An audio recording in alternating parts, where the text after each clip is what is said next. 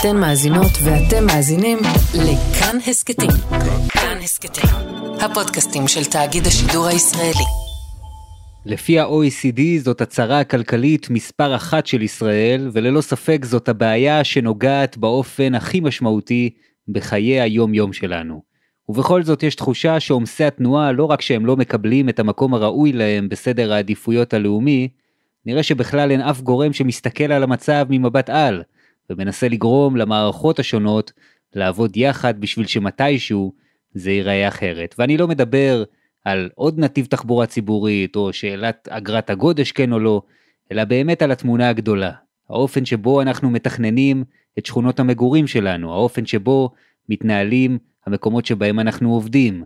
כל אלו עדיין מכווינים אותנו לבזבז שעות בכל יום של המתנה בכבישים עמוסים. היי, אני חן ביאר, והיום אנחנו הולכים לדבר על הבעיה שכולכם מכירים היטב, אולי אפילו נמצאים בתוכה ממש ממש עכשיו. לפי נתוני ווייז, מאז סיום סגרי הקורונה התנועה בכבישים גדלה ב-20%, כן. זאת לא רק תחושה שלכם או משהו שאחרים אוהבים לקטר עליו, ולפי כל הסימנים, זה רק הולך להיות יותר גרוע. הפעם בעוד יום על שינויים תפיסתיים שאנחנו צריכים לעשות כדי לנצח את עומסי התנועה, או לפחות לשפר מעט את המצב העגום.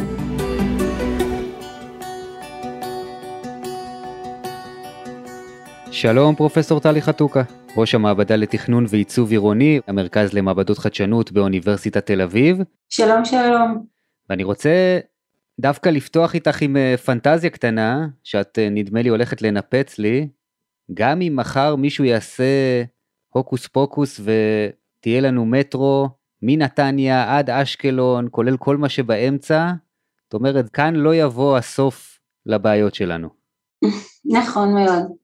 אני חושבת שכשמסתכלים קדימה, לא רחוק מאוד, לעוד 15 שנה, ושואלים את עצמנו שאלות לגבי אה, כל האנשים שיגורו פה ועל הצפיפות שתהיה כאן, אז אה, העניין פה הוא לא רק צירי תנועה והתחבורה הציבורית, זה חשוב מאוד, אבל גם העניין התרבותי של איך שאנחנו חיים בעיר ואיך שאנחנו מתכננים את העיר. מטרו כזה כמו שאתה מציע זה רעיון מצוין, וזה גם לא כל כך קשה לעשות את זה, כי בעצם יש לנו את הרכבת הקלה וכל הקווים החדשים שצפויים לחבר את הערים במטרופולין גוש דן. אני מקווה שיש כבר אנשים שחושבים על זה, בעצם איך להעריך את זה לערים נוספות ולחבר גם את אה, אשדוד ואת אשקלון בדרום ובצפון גם את אה, חדרה ונתניה, אז אה, בגדול זה רעיון מצוין, אבל זה, זה לא מספיק. אנחנו נצטרך את זה כך או כך, אבל זה בהחלט לא מספיק. התכנון שלנו היום ב- בישראל הוא פשוט כזה שמבוסס על שימוש ברכב הפרטי. כל השכונות החדשות שנבנו פה החל משנות התשעים עד היום אה, מבוססות על הרעיון שאתה מגיע עם הרכב שלך לחניה התת-קרקעית, אה, עולה במעלית ונכנס ליחידת מגורים שלך וחלק גדול מהאוכלוסייה גם מחזיקה שניים ושלושה רכבים ולכן הפתרון לא ישתנה, צריך לעשות שינוי עמוק יותר, תרבותי, אה, באיך שאנחנו מתנהלים בחיי היומיום וגם שינוי תכנוני. הסביבות מגורים החדשות הללו מחייבות אותנו להחזיק שני רכבים, כי בעצם אם אתה חושב על זה, סביבות העבודה שלנו נמצאות מחוץ לשכונות המגורים, מה שיש בשכונות המגורים זה בעיקר השירותים הציבוריים היומיומיים של גני ילדים, אה, קצת אה, מבני ציבור, אולי מתנ"ס ואולי כמה מקולות ומסחר שמספיק לך לחיי היום יום, אבל כל השאר אתה צריך לצאת החוצה, ובשביל זה אתה צריך את הרכב. אז התנועה שאתה רואה ביום יום על הצירים היא בעצם מה שאנחנו קוראים יוממות, אנשים שעובדים מחוץ לסביבת המגורים שלהם וזה צריך להשתנות וזה יכול להשתנות על ידי חשיבה חדשה על הקשר שבין אה, עבודה, תעשייה, תעסוקה קלה לעיר ויש אה, תקווה דווקא בכיוון הזה. אבל למרות זאת גם בשכונות החדשות שמתכננים היום יש אה, אנחנו רואים חדשות לבקרים למשל הסכמי גג או גם בממשלה הקודמת אני זוכר שהייתי בכמה טקסים שחנכו מחלפים חדשים ואמרו היום אין פריפריה בן אדם יכול לגור מחוץ למרכז לקחת את הרכב לנסוע לעבודה ולחזור באותו יום הביתה וזה לא עובד. אנחנו לא רוצים שתהיה תנועה בין עירונית על בסיס יומיומי, קבוע, של אנשים שמגיעים מנתיבות לתל אביב, אלא אם כן יש איזשהו צורך מיוחד בזה. אני כן חושבת שאנחנו צריכים לשאוף להיות קומפקטים גם בהתניידות היומיומית שלנו וכל עיר צריכה להתנהל בצורה אוטרקית, לא אוטרקית מנותקת, אבל כן לספק הרבה מאוד מהצרכים של התושבים שלה בתוך העיר. וכן אפשר לחשוב על דרכים איך אנחנו עושים את זה.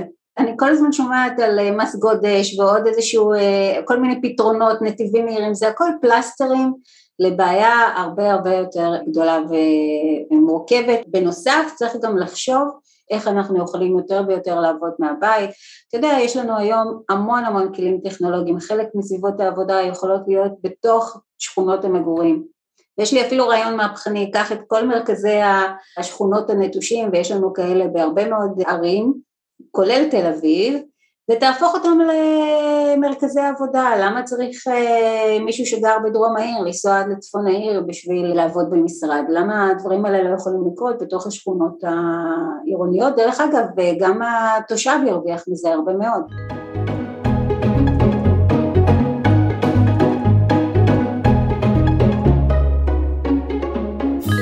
החזון הזה אבל שאת מדברת עליו הוא נראה עדיין מאוד מאוד רחוק ואני רוצה לשאול אותך איך קרה שנשווינו בקונספציה השגויה הזאת של נסיעה למרכז הארץ בשביל עבודה, נסיעה יומיומית שכזו, איך בעצם נשווינו בקונספציה הזאת עד ממש לאחרונה, לא לפני הרבה זמן.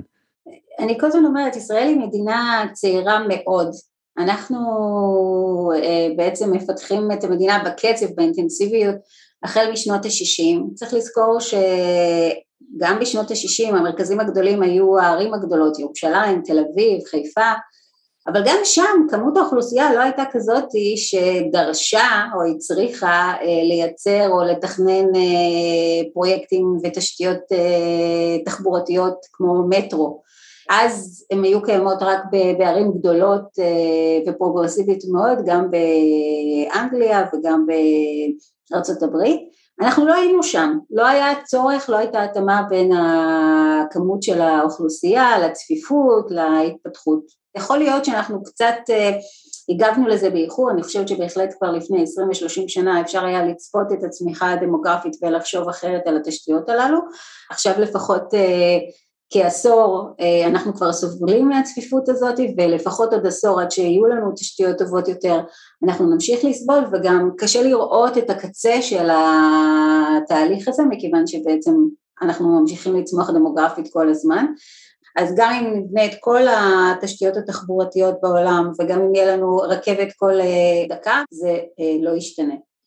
מה אפשר לתכנן אחרת כבר מחר בבוקר? כי אם אני מסתכל ניקח בתור דוגמה את חריש, שזו העיר הגדולה האחרונה שתכננו כאן ועדיין מתכננים ובונים, היא סובלת מאותן בעיות כאילו אנחנו לפני עשרות שנים. נכון, אז חריש היא דוגמה מאלפת לכל הטעויות שאפשר לעשות כשבונים עיר חדשה. תכנון אומלל, שלא רק שלא פתר בעיות, אלא יצר המון המון בעיות חדשות. הרי המטרה הייתה לפתור את הנושא של הדיור, או את אספקת הדיור שהייתה אה, מוגבלת. אז מיקמו בניינים, פרסמו את אה, מחיר למשתכן בזמנו וכן הלאה, הייתה נהירה של זוגות צעירים ממד אה, סוציו-אקונומי בינוני נמוך, אבל בעצם יצרו בעיות חדשות עמוקות מאוד ברמה של אה, גם של התחבורה וגם של התעסוקה, האנשים האלה לא יכולים להישאר בחריש, אין להם מה לעשות בחריש, הם חייבים לצאת החוצה לעבוד. זו דוגמה מצוינת לאיך מתכננים בלי התאמה לצרכים, בלי התאמה, לאיך מתכננים עיר, זאת אומרת אני לא יודעת איך העיר הזאת עברה, אני חושבת שזה בהחלט צריך לחשוב פה על לחצים פוליטיים, על אה, מתחים, על הרצון לעשות אד אה, הוק. מה היית עושה בעיר הבאה שנתכנן מחר? אני חושבת שמה שאנחנו רואים בעולם זה מגמה שחקרנו אותה עכשיו לא מעט, שנקראת טיפולוגיות סינכרוניות, זה בעצם מבנה מגורים שמשלבים את העבודה בתוכם, זה לא מתאים כמובן לכל סוגי העבודה וכל סוגי התעשיות, אבל אה, בעצם לתכנן אה, מבנה מגורים או שאגף אחד שלהם אה, מיועד לתעשייה קלה ויש המון דברים היום שאפשר לעשות גם במדפסות דיגיטליות, יש גם המון עבודה משרדית, אין צורך לנסוע ל-WeWork כדי להגיע לעבודה שלך או לשבת באיזשהו משרד, כל החוויה שלנו של הצריכה משתנה, העיר עכשיו עוברת שינוי מאוד מאוד דרמטי. ואנחנו בעצם צריכים להגיב לשינויים הללו, לא לפתח סביבות מגורים כמו שקידמנו ופיתחנו בשנות ה-80 וה-90, זה פשוט לא מתאים. תשאל אותי מי, מי יכול לעשות את השינוי, אז קודם כל מנהל התכנון, משרד הפנים, אבל השינוי הזה חייב uh, להיתמך גם על ידי השחקנים הפוליטיים, אחרת זה לא ילך. גם אחת הבעיות נדמה לי בהקשר הזה שאנחנו תמיד רודפים אחרי איזשהו משבר או איזושהי קטסטרופה ומגיבים לה ולא תמיד יושבים ומתכננים את זה תוך מחשבה קדימה. אני דווקא שמחה שיש את המשבר של התחבורה ואני מקווה שהוא יעמיק אה, עוד יותר כדי שבעצם הוא יניע גם אה, משרדי ממשלה אחרים להגיב לדבר הזה. זה לא רק בעיה של משרד התחבורה, מה שמתסכל אותי בדיון כל הזמן על הנושא של הפקקים זה כל אנשי התחבורה שמייעצים ובעצם נותנים כל מיני עצות נקודתיות שמתייחסות לנושא של תשתיות התחבורה. וזה לא נכון להסתכל על זה בנפרד, כשאתה מסתכל בתל אביב על כל השכונות אה, החדשות זה אותו הדבר כמו בחריש וכמו במקומות אחרים, הם גם כן עולים אל הרכב ומסתובבים עם הרכב ממקום למקום למרות שהם נמצאים בעיר הגדולה וכל השירותים זמינים להם אני חושבת שכבר יש היום המון מקומות בעולם שעושים את השינוי הזה. ישראל צריכה להחליט שהיא רוצה לעשות את השינוי הזה. פרופסור טלי חתוקה, אוניברסיטת תל אביב, תודה רבה לך. תודה רבה לכם, תודה שהזמנת אותי.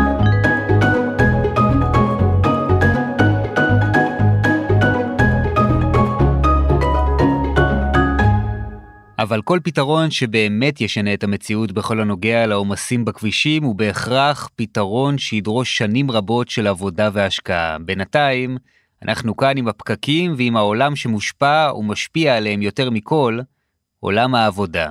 דווקא בגלל הקורונה והמשבר הכלכלי שהגיע איתה, העולם הזה קיבל הזדמנות לראות את הכל מפרספקטיבה קצת אחרת.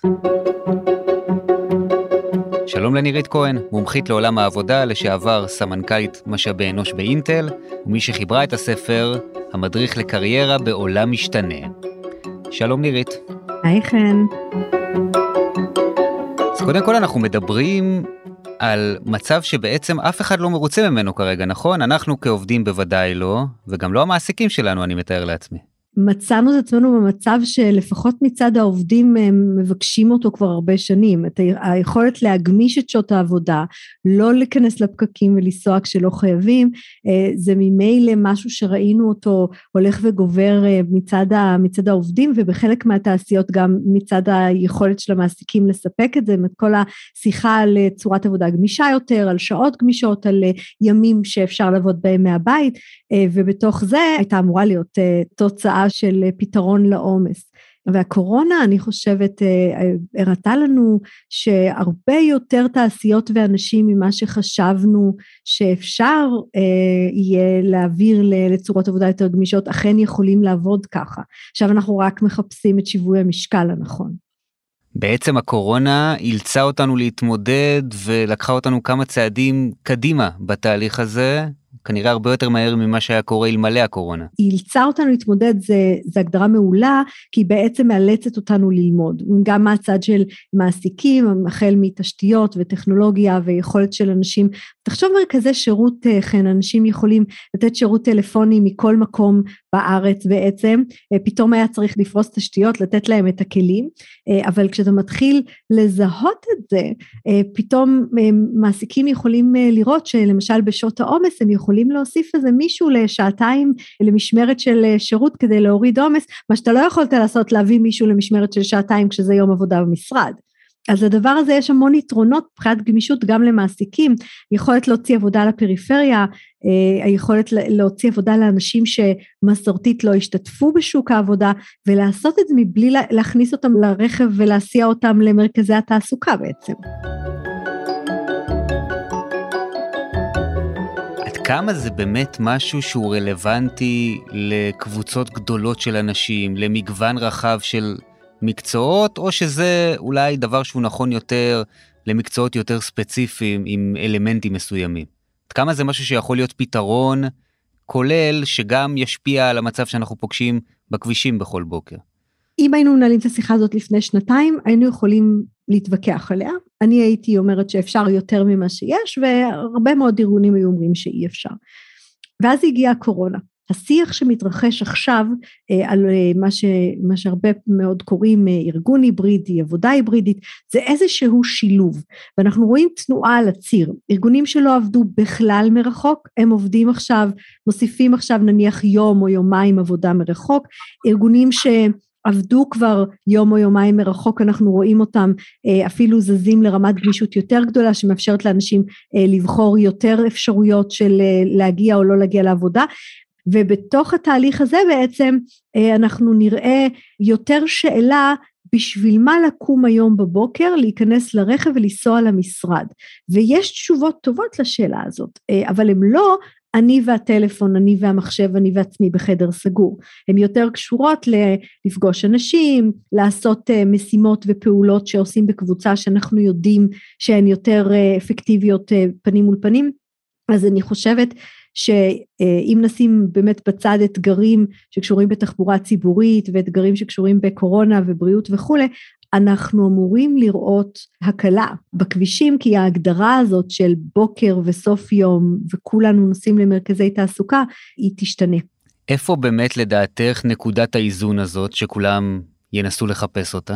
קודם כל אנחנו רואים היום בכל המחקרים אה, שהעובדים והמנהלים מסתכלים על זה קצת אחרת. המנהלים אה, מרגישים מאוד חזק את מה שאיבדנו בתקופת הקורונה, את השייכות, את המחוברות, את הביחד, ורוצים את האנשים יותר במשרד.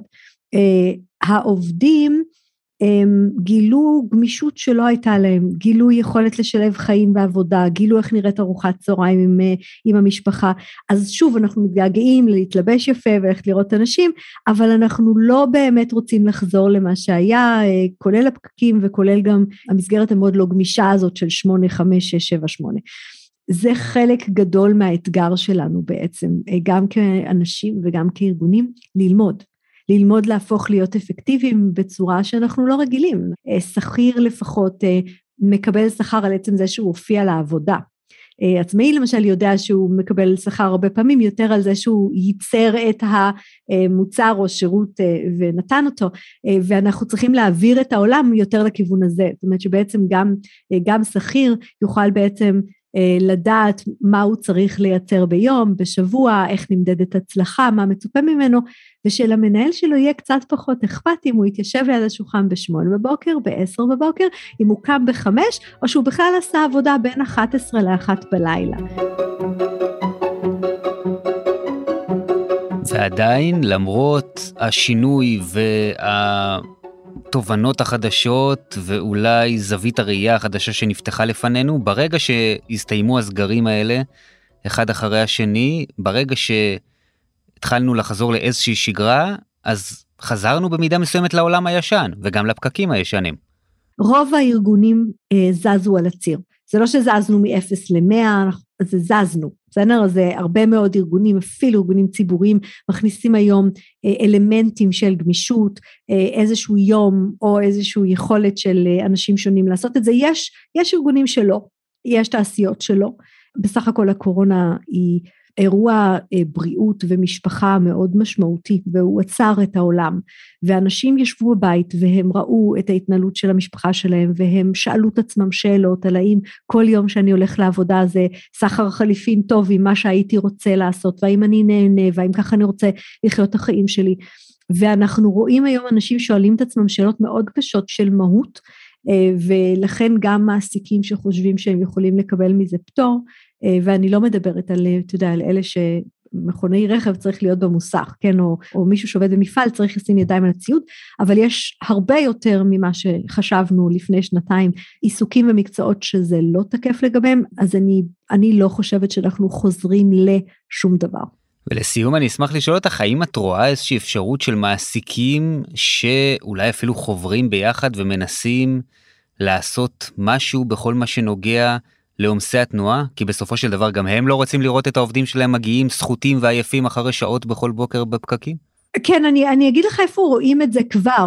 אם אנחנו נסתכל למשל על התופעה הזאת שנקראת משרדי עבודה שיתופיים, כל ה, אתה יודע, WeWorkים למיניהם, אה, אז אה, אם תסתכל לפני שנתיים, הם רובם היו מרוכזים אה, במרכזי התעסוקה וגם באופן ספציפי בתל אביב, וקצת היה לך בפריסה של מחוץ לתל אביב, אבל מרגע שהתרחקת יותר מדי במרכזי התעסוקה, הם התקשו למצוא, למצוא בסיס של אנשים, ופתאום אנחנו רואים פריחה אנחנו רואים יותר ויותר פעילות ואיפה שיש פעילות כלכלית זה סימן שמישהו מאמין שיש פה מודל כלכלי שהוא שווה.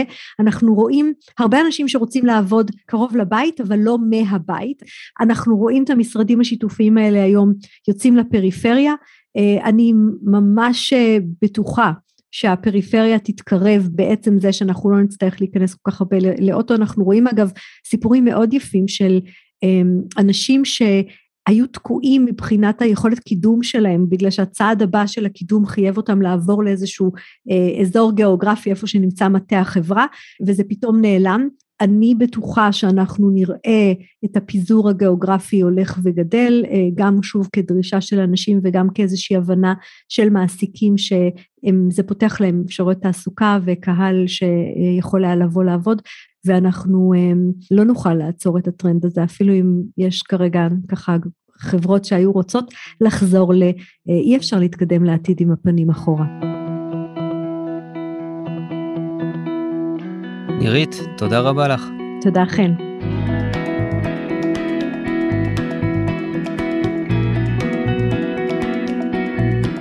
האזנתם לפרק של עוד יום. אורחים תימור טל ודניאל אופיר, עיצוב קול ומיקס, רחל רפאלי. אם היה לכם מעניין, נשמח אם תשתפו את הפרק, ואם יש לכם הערות על מה שאמרנו, אתם מוזמנים ומוזמנות לכתוב בקבוצת הפודקאסטים שלנו, כאן הסכתים. תוכלו לכתוב גם בחשבון שלי, חן ביאר, בפייסבוק או בטוויטר. את כל הפרקים שלנו והסכתים נוספים מבית כאן תוכלו למצוא באפליקציית הפודקאסטים האהובה עליכם, באתר שלנו וגם בספוטיפיי. אני חן ביאר, נשתמע.